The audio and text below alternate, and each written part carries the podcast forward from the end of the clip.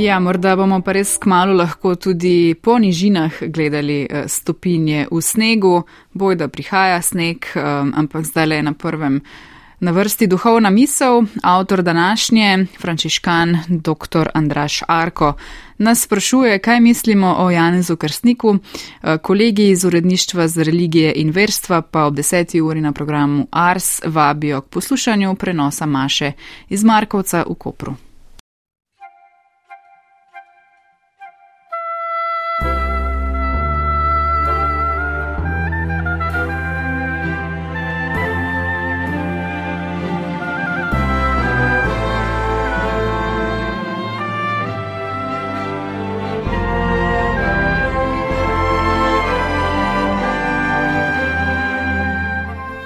Verjetno nam ob svetopisanskih odlomkih Jezusovega krsta v Jordanu pred očmi zaigrajo svetovno znane podobitve tega prizora, kot so nam jih zapustili Pietro Perugino v Sixtinski kapeli ali pa Andrea del Verocchio in Leonardo da Vinci. Nekdo drug se morda prej spomni kakšnih filmskih upodobitev, kot naprimer klenega Jana za krstnika v filmu Jezus režiserja Rogerja Younga pa tudi mnogih drugih, vse do Scorsesejevega krstnika, ki je malo da ne obseden ali pa vsaj zrel za psihiatrično kliniko. Vsekakor gre za zanimiv svetopisanski lik, ki je vedno privlačil in izzival umetnike. Kaj pa nas? Nas lik Jana za krstnika še vedno izziva. Glas upijočega v puščavi, kričiči prerok ob Jordanu, ki kliče, spodbuja in vabi k sprobrnenju. Asket, oblečen v kameljo kožo, katerega dnevni meni sestavljajo kobilice in med divjih čebel. In vendar je še več kot to. Ni namreč zgolj asket, ki vabi k sprobrnenju in s tem pripravlja pot odrešeniku Mesiju, ki so ga napovedovali starozavezni preroki. Janez Krstnik ni zgolj tisti, ki pripravlja pot Mesiju, ampak pokaže nam. Simbolno bi lahko rekli, da je Janez Krstnik kot monštranca, kot bogoslužna posoda, ki nam kaže Jezusa.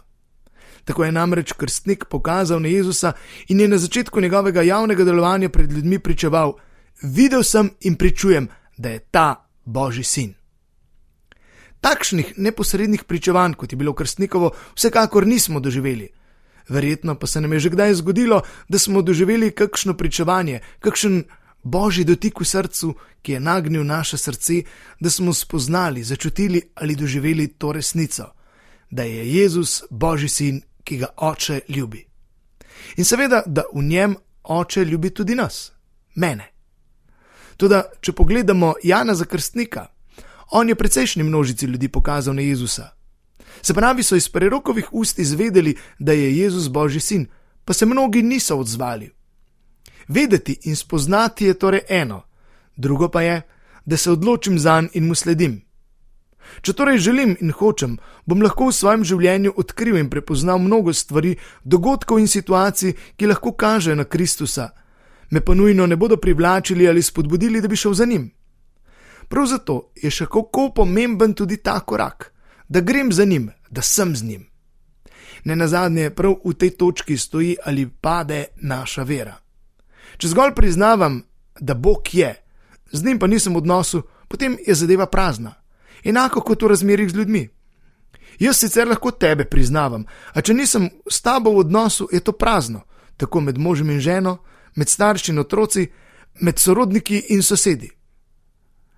Naj nas torej krstnikovo znanilo, gledajte Bože jagnje, dejansko povabi na pot za Kristusom, v odnos z njim, da bomo lahko slednjič tudi mi v vlogi krstnika, ki je kot monštranca kazal na Jezusa, Božjega Sina.